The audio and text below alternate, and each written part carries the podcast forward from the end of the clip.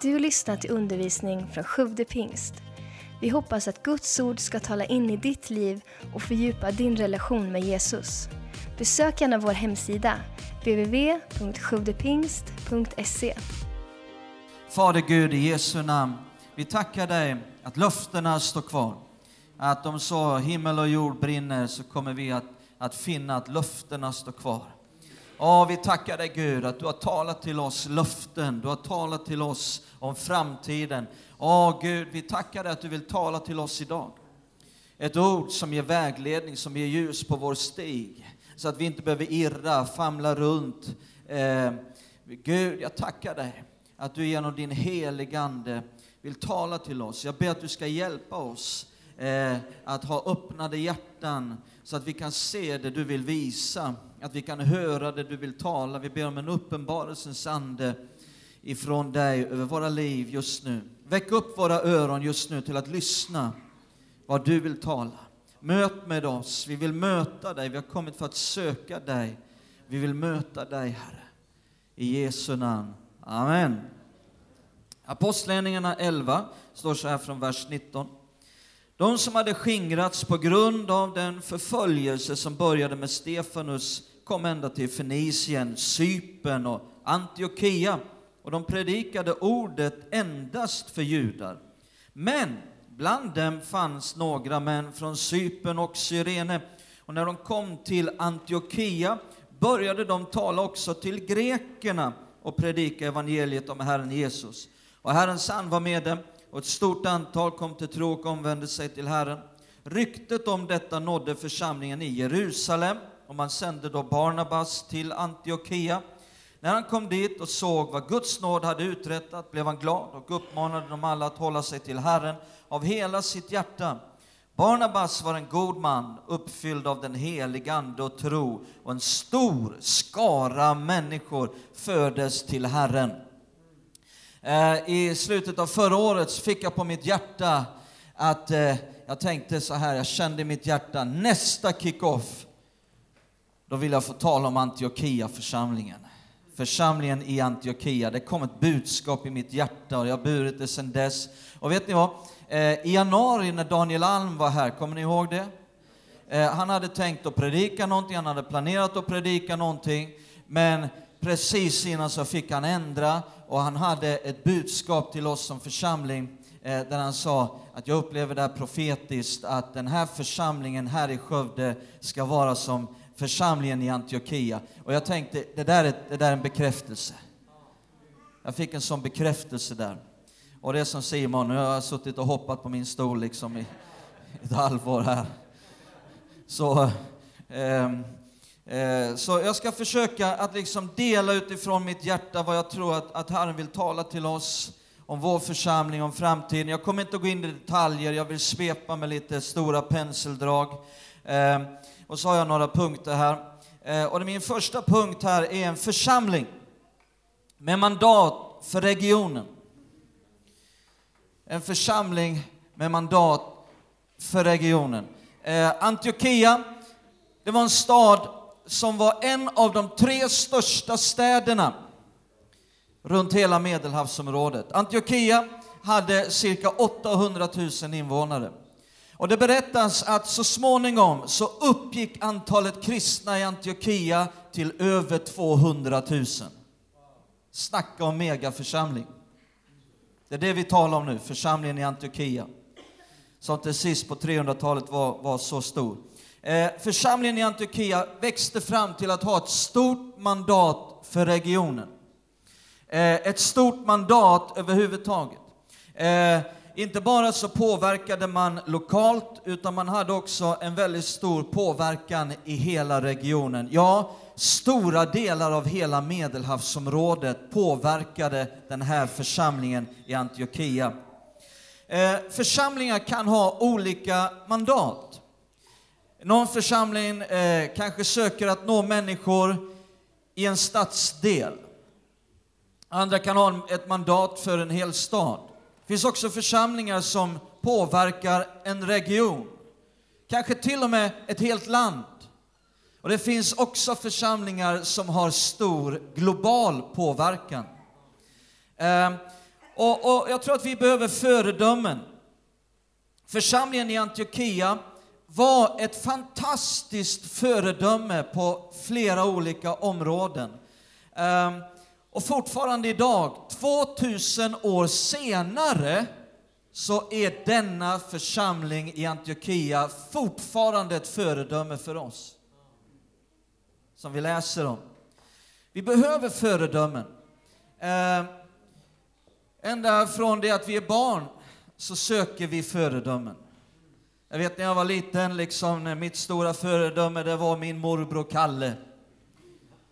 Han hade händer, vet du, det var som... Eh, ja, dasslock höll jag på att säga. Liksom. Det var, jag kände att min morbror Kalle, det var mitt föredöme i livet. Och du vet när jag stod med grabbarna på gården, vi skulle tala om liksom och liksom vara lite sturska mot varandra och brösta upp oss, då brukar jag, någon säga ja min pappa kan slå din pappa. Var det någon som sa till mig. Ja men min morbror, han slår din pappa, brukar jag dra till med. Liksom Kalle, det var, det var mitt stora föredöme. Så att ända från vi är små, vi söker föredömen och även som vuxna så söker vi föredömen. Eh, det kan bli ibland som den här eh, kung Louis i Djungelboken. Jag vill ej längre apa mig. Obidu. Vad är det han brukar sjunga? Ja, precis. Ni kan ju det här. Jag vill ej längre... Obidu. Jag vill ju vara som du, se ut som du, gå som du, du. Liksom. Och, eh, ja, visst. Tack, tack, tack. Och på samma sätt så söker människor föredömen i församlingar, eh, församlingar som på något vis har gått före, visat vägen, eh, församlingar som, eh, för, eh, som liksom andra kan bli inspirerade utav, lära utav, bli betjänade utav. Vi behöver det. Jag tror att den här regionen behöver det. Eh, Skövde är en stad som påverkar regionen. Jag har försökt att visa med bilder. Eh, eh, Eh, mycket är förlagt och centrerat till Skövde. Mycket utgår ifrån Skövde och betjänar hela regionen. Och jag är helt övertygad om att Gud vill resa upp ett andligt fäste i Skövde för Guds rike som påverkar, betjänar, inspirerar hela den här regionen. Jag tror att Gud vill göra det. Och därför så vill jag ta några snabba punkter som beskriver vad det var för DNA som präglade församlingen i Antiochia. Eh, första, eh, nästa punkt här som beskriver den här församlingen var att det var en kreativ pionjärförsamling en kreativ pionjärförsamling. Och det första jag vill visa på det var att den här församlingen var väldigt mycket först på mycket. Eh, man var först på flera olika områden. Eh, och på grund av att man just var först på flera olika områden så var det en församling som vågade tänka nytt. De vågade vara nytänkare. Och i en församling där man vågar tänka nytt, där flödar kreativiteten. Där finns det en skaparglädje på flera olika håll och kanter. Det är öppet för det, det är välkommet. Eh, och jag, jag ser en församling framför mig som ännu mer, det finns redan så mycket kreativt i vår församling, men jag tror att Gud vill att det ska växa ännu mer. Att vi ska vara en församling, jag ser det framför mig, där det finns en stark kreativitet eh, på många områden. Dans, som vi såg här i början av vår gudstjänst. Eh, konst, musik, poesi, folk som skriver böcker, folk som designar saker. Bara titta här liksom, vår scendesign här. Jag är så tacksam för dem som är kreativa, som har designat det här. Är du glad att det inte bara står en torr fikusträd i en hörna här? Skakar någon det liksom, då bara rasar hälften av alla. Det finns folk som jobbar med det här, som tänker efter, som är, har gåvor som inte jag har, som inte eh, andra har, men de har det. Halleluja. Eh, vad det handlar om är Guds skaparkraft genom oss. Han är en skapare, han är kreativ. Och hans skaparkraft vill komma igenom våra liv till hans förhärligande, för hans planer, för hans syften, för att hans rike ska gå fram, för att Jesus ska bli förhärligad. Eh, och då, eftersom de också då var först med, att, med mycket och var nytänkare, så var de pionjära. Kan jag säga pionjära? Församlingen i Antiochia var pionjära.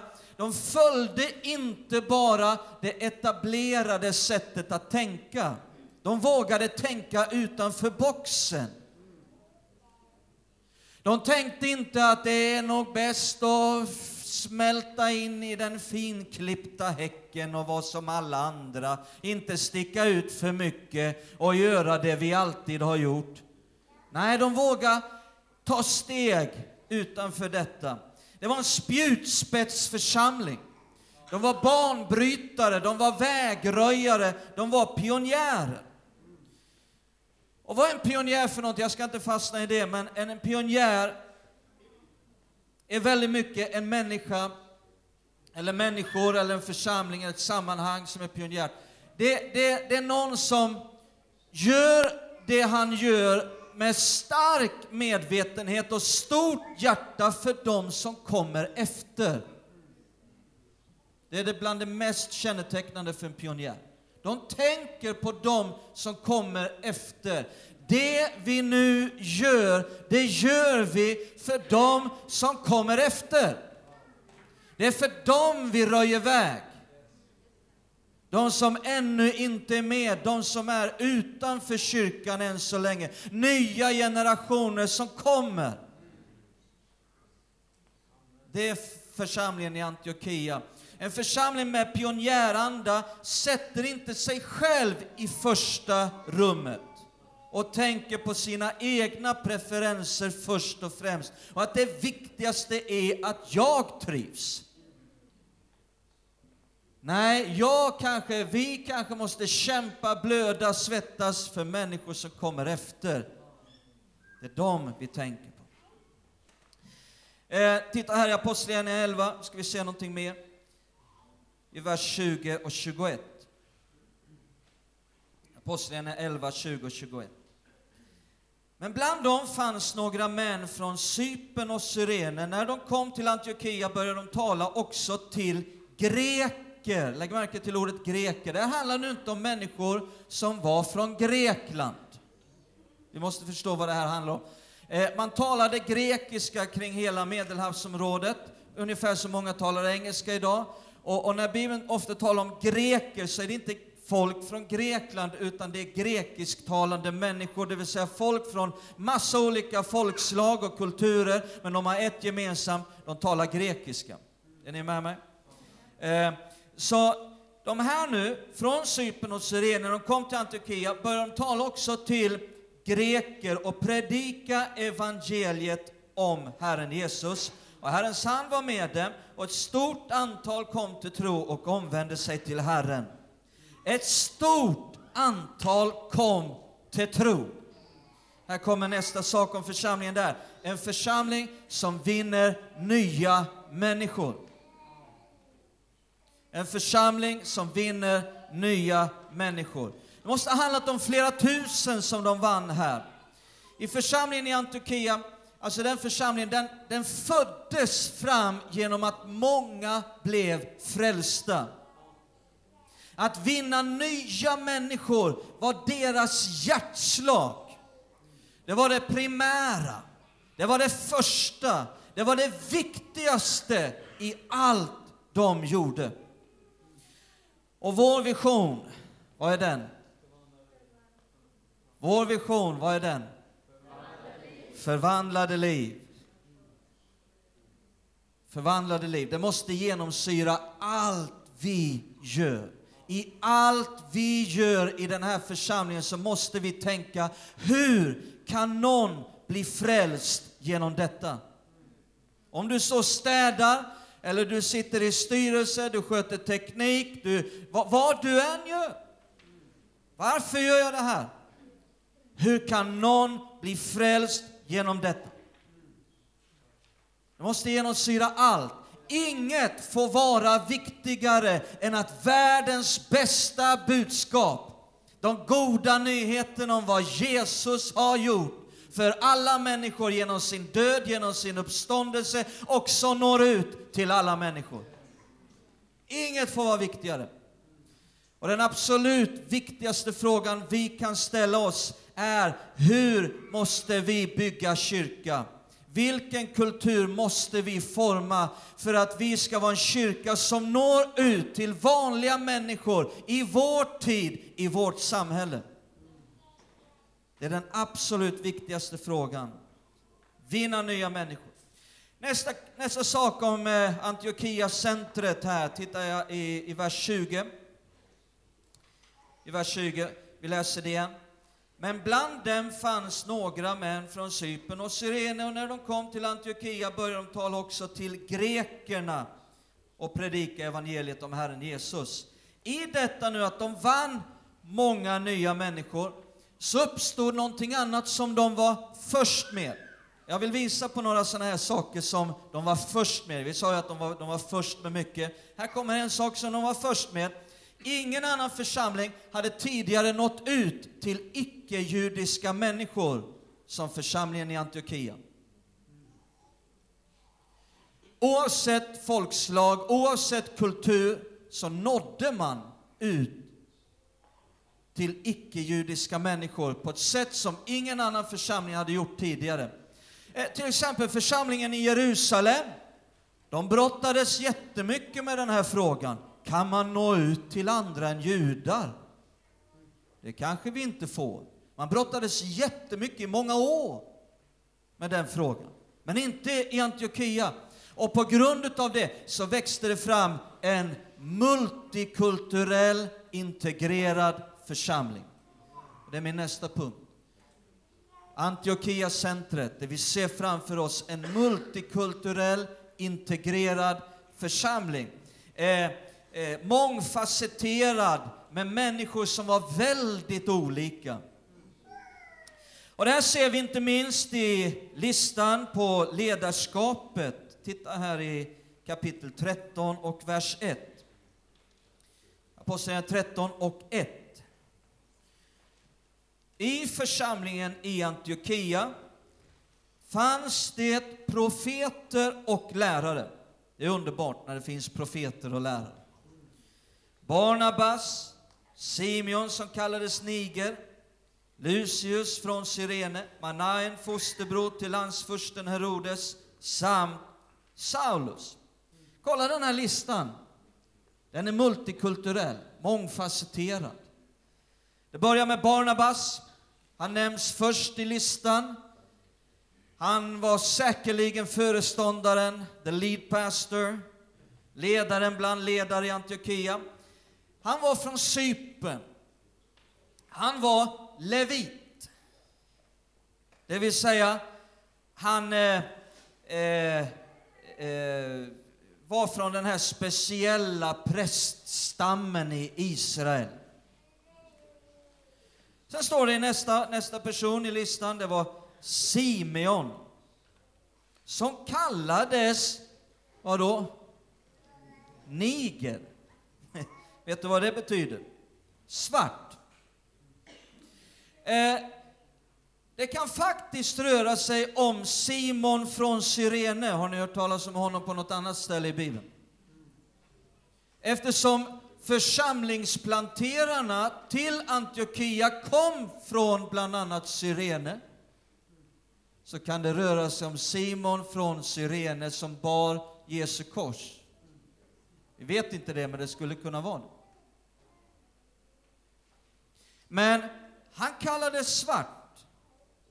Vad tror du det har att göra med? Han tjänade svarta pengar. Han var mörkhyad. Han kom, Sirene, det låg i Nordafrika, i nuvarande Libyen. Den tredje här eh, är Lucius från Syrene. Ja, han vet vi kom från Syrene. Han var nordafrikan. Lägg märke till Lucius, det är ett romerskt namn. Hans uppväxt måste ha varit inom den romerska kulturen. Eh, sen står det Manaen, fosterbror till landsfursten Herodes. Manaen, han kom från de allra högsta samhällsskikten. Hans uppväxt, eh, han var fosterbror, han var lekkamrat säkerligen med Herodes. Sen har vi då Saulus, mannen med den imponerande utbildningen, den rabbinska träningen. Eh, så här finner vi en lista då som förutom judar så hittar vi en arab, vi hittar en svart, vi hittar en eh, romare. Eh, och det här ledarskapet, det återspeglar församlingen som var multikulturell. Det var ett ledarskap som återspeglade hur den här församlingen var. Mångspråkig, multikulturell, integrerad församling. Och det här är ju någonting som vi redan idag ser. Eller hur? Och som jag tror att vi ska se ännu mer utav.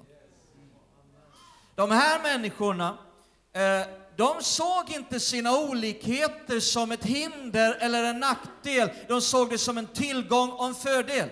De såg det inte som någonting som skulle skilja dem åt, utan någonting som skulle värderas och uppskattas. Vet du vad? Vi är inte en svensk församling. Vi tillhör inte Svea rike. Vi tillhör ett annat rike där det inte är jude eller grek, Guds rike. Halleluja. Det är mycket roligare att vara med i.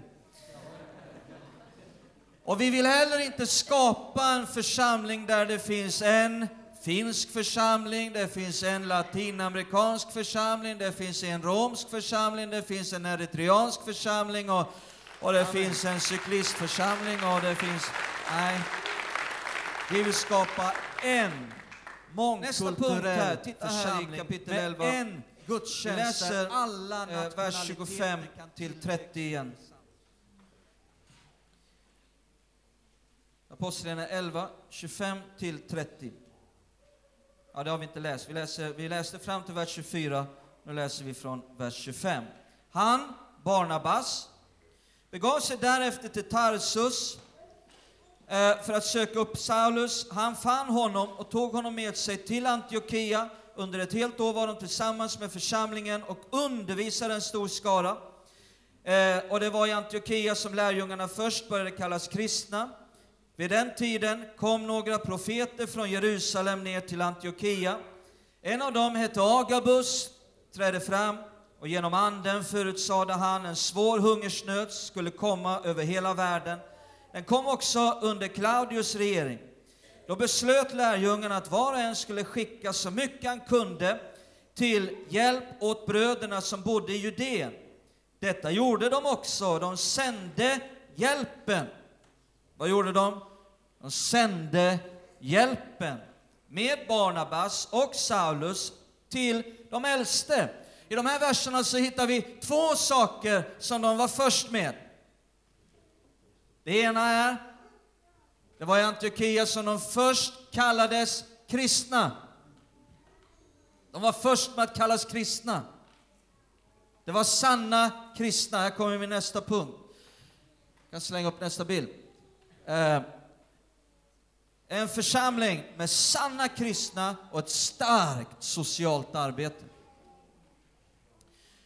De var först med att kallas kristna och de var först med en hjälpsändning. Det är det vi läser om här. De var de första som skickade en hjälpsändning. Det vill säga humanitär hjälp och socialt arbete var en självklarhet för dessa. Det var generösa, starka givare som bara älskade att få ge till andra än sig själv.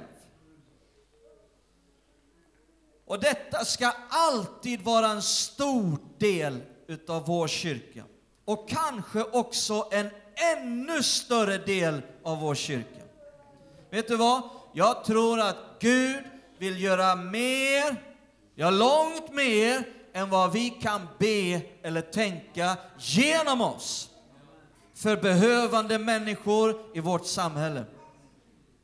Jag tror att det finns projekt i framtiden som vi inte gör just nu, helt nya saker. När vi hade vårt ledningsdygn här i augusti och vi, vi var i bön och vi visionerade tillsammans. Det var så underbart att höra vår församlingsledning visionera om enorma saker på det här området. Med ett fantastiskt hjärta. Vet, det kostar inget att drömma, det kostar inget att visionera. Man måste inte ta fram plånboken och ha alla detaljer på plats. Man får drömma. Kan vi drömma lite tillsammans idag? Halleluja. Eh, nästa punkt, titta i kapitel 15. Kapitel 15, vers, vers 35 står det. Paulus och Barnabas stannade i Antiochia där de undervisade och predikade Herrens ord tillsammans med många andra. Det här är något vi läste om också i kapitel 11. De var där och undervisade. Här kommer nästa punkt. Det här är en församling med mycket undervisning och lärjungaträning.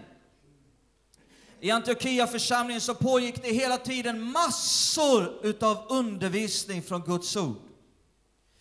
Nyfrälsta människor kunde växa upp till att bli starka kristna de blev pelare för Guds rike. De blev utrustade till att tjäna Gud och utföra enorma bedrifter för Guds rike i hela regionen kring denna miljonstad.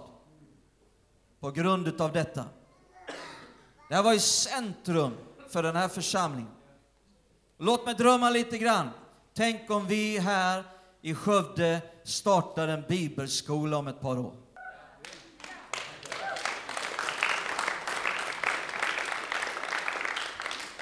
Varför då? För jag tror att det, det finns ett behov av det. Jag tror det finns många som ropar efter det. Jag tror att Gud vill det, att hans ord ska undervisas så mycket det bara går. Jag tror inte Gud slår på bromsarna och säger det startas för mycket bibelskolor, det, det är överallt nu för tiden, så nu får ni lugna ner er lite grann.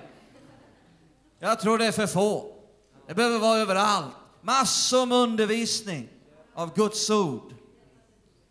Halleluja. Det finns ett behov av det. Vet du vad? Jag tror vi har kapacitet här i huset för det. vi behöver bara säga Gud, är det det du vill? Ja, han behöver inte skriva med eldskrift på väggen för min skull. Bara en liten viskning. Jag, jag tyckte jag hörde något. Halleluja. Låt oss be tillsammans för de här sakerna. Nästa punkt, nummer sju här eh, i kapitel 13. Efter den här listan på ledare så står det i vers 2. När de tjänade Herren och fastade sa den helige Ande Avskilj åt mig Barnabas och Saulus för den uppgift som jag kallat dem till. Här står det, när de tjänade Herren och fastade. Nästa punkt, ett Antiochia Center en församling fylld av bön, tillbedjan och lovsång. Det står här, när de tjänade Herren. Den engelska översättningen, King James version, den mest använda engelska översättningen genom historien, säger ”When they ministered unto the Lord”. Det vill säga mer när de betjänade.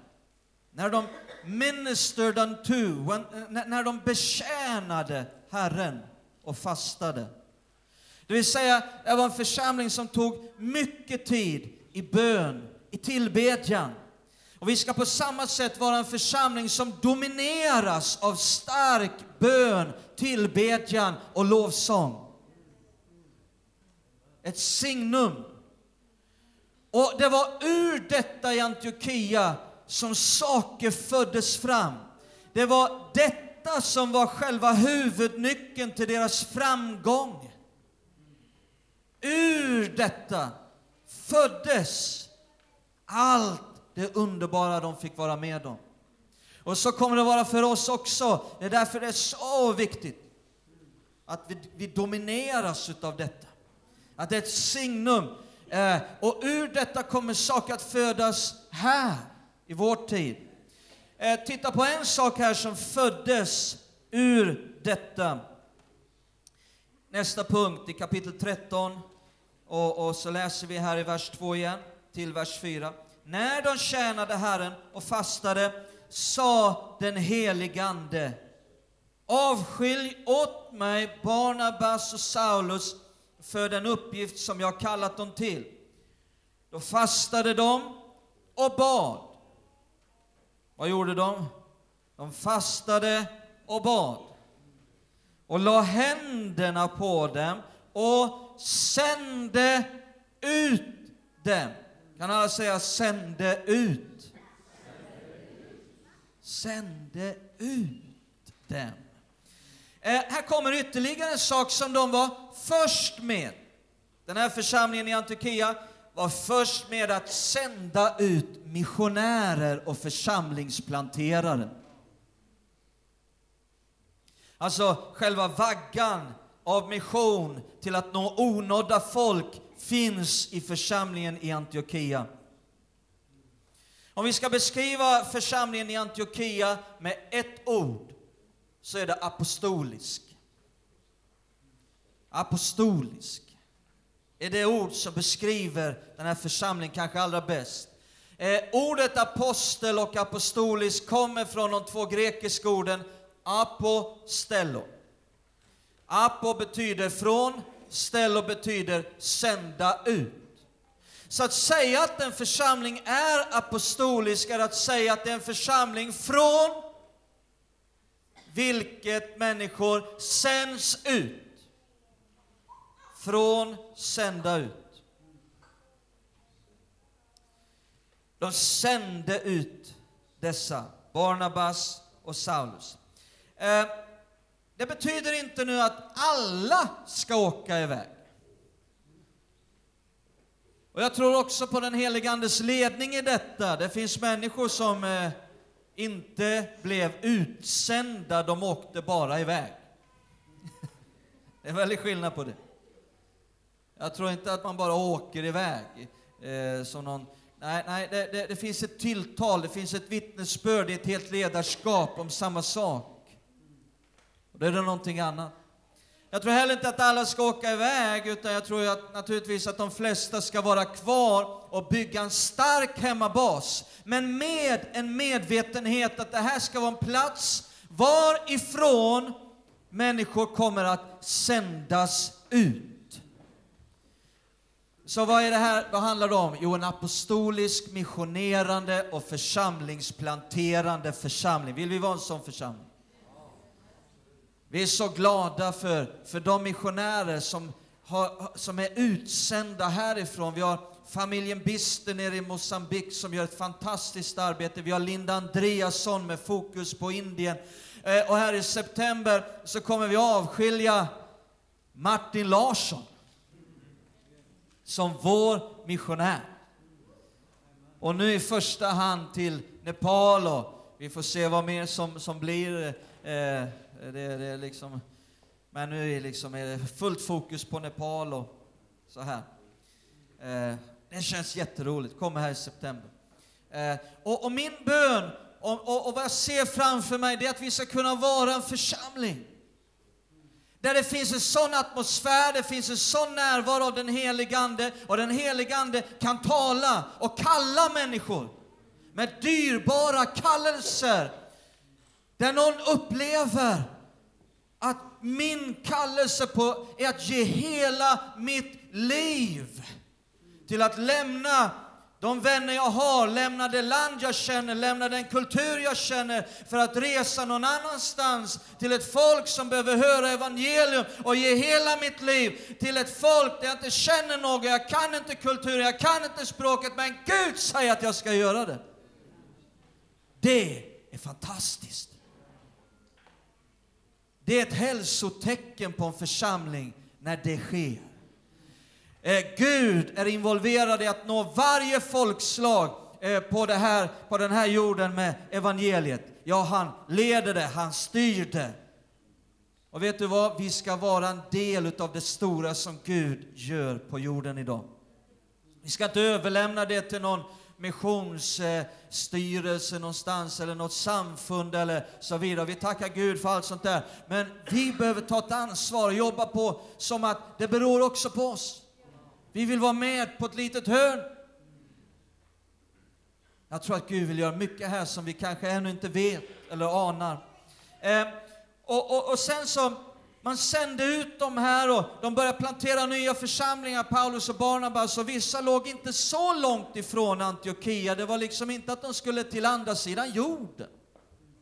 Det är bra det också, va? men, men, men till att börja med så var det var inte så långt bort som de planterade nya församlingar. I delar av Turki, nuvarande Turkiet och, och så här. Eh, och, och i pingst i Sverige så talar man väldigt mycket, har gjort i flera år och gör det ännu mer, om församlingsplantering i Sverige. Det är vad vi kan kalla för den inre missionen. Eh, förr så talade man alltid om den yttre och den inre missionen. Det finns en inre mission också. Det finns ett, ett land, det finns ett Sverige att också nå. Och, och sen eh, jag kommer ihåg sen 90-talet så har, har man börjat lyfta där i pingst och nu, nu är man verkligen igång på allvar. Det är på frontlinjen, där i någonting centralt inom pingst i Sverige. Att vi behöver plantera nya församlingar, inte bara på andra sidan jorden utan också här i Sverige. Och flera församlingar har börjat komma igång med detta. Eh, och jag tror att vi behöver be, vi behöver stå med. Och jag tror att att det kan vara så i framtiden att, att vi behöver också vara med på något sätt. Tänk om vi här i Skövde är med i nya församlingsplanteringsprojekt i Sverige.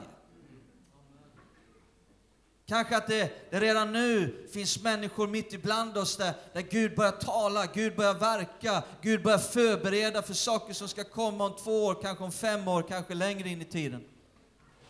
Jag tror att saker redan nu håller på att förbereds. Och vi ska få vara med och se evangeliet nå ut till platser som idag börjar bli vita fläckar. De kanske inte var vita fläckar för 50 år sedan, men nu har de börjat bli det. Där det inte finns någon stark församling, det finns inget bra initiativ. Gud vill nå ut till människor överallt. Är ni med? Känns det spännande? Halleluja! Ska vi stå upp tillsammans? Låt oss bara ta en minut här. Låt oss ta varandras händer och så bara ber vi en snabb en minuts bön.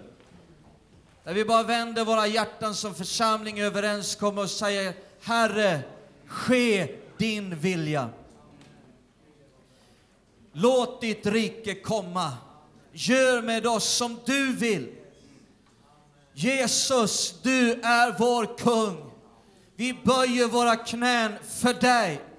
Vi böjer inte våra knän för något eller någon annan. Det är dig vi tjänar. Du är huvudet, vi är kroppen. Du är trädet, vi är grenarna. Du är herden, vi är fåren. Jesus, vi vill ha ditt hjärta, vi vill ha dina tankar. För den här församlingen, din församling hur framtiden ska vara, vad du vill göra. Vi vill koppla med dem som har gått före, pionjärerna för 40 år sedan som byggde kyrka här. Vi vill koppla med pionjärerna för 100 år sedan som startade den här församlingen, deras tro, deras passion, deras hjärta. Vi vill koppla med dig Jesus och vad du dog för, vad du uppstod för. Vi vill koppla med dig för en framtid som sträcker sig så långt in att det, det, det varar till en tid då kanske vi inte ens är med. Som varar in i en tid som är 50 år från nu, som är 100 år från nu. Åh Jesus, vi vill koppla också med framtiden. Vi vill koppla med dem som är där, som inte är här ännu. Vi vill också koppla med dessa människor att de ska kunna stå på våra axlar och då känna att det finns någonting att bygga vidare på. Men vi ber nu Herre för det år som ligger framför. Vi ber för, för de år som ligger framför. Vi ber och vi säger ske din vilja. Vi lyfter upp varje dröm, vi lyfter upp varje tanke, vi lyfter upp varje plan inför dig. Och låt det som är från dig vara kvar och växa till. Låt det som inte är från dig dö bort. Vi vill följa dig, vi vill ge våra liv till dig. Vi vill stå samlade för evangeliet, för ditt rike. I Jesu namn. Amen. Tack för att du lyssnat. Glöm inte att du alltid är välkommen till vår kyrka. Du hittar mer info på www.sjuvdepingst.se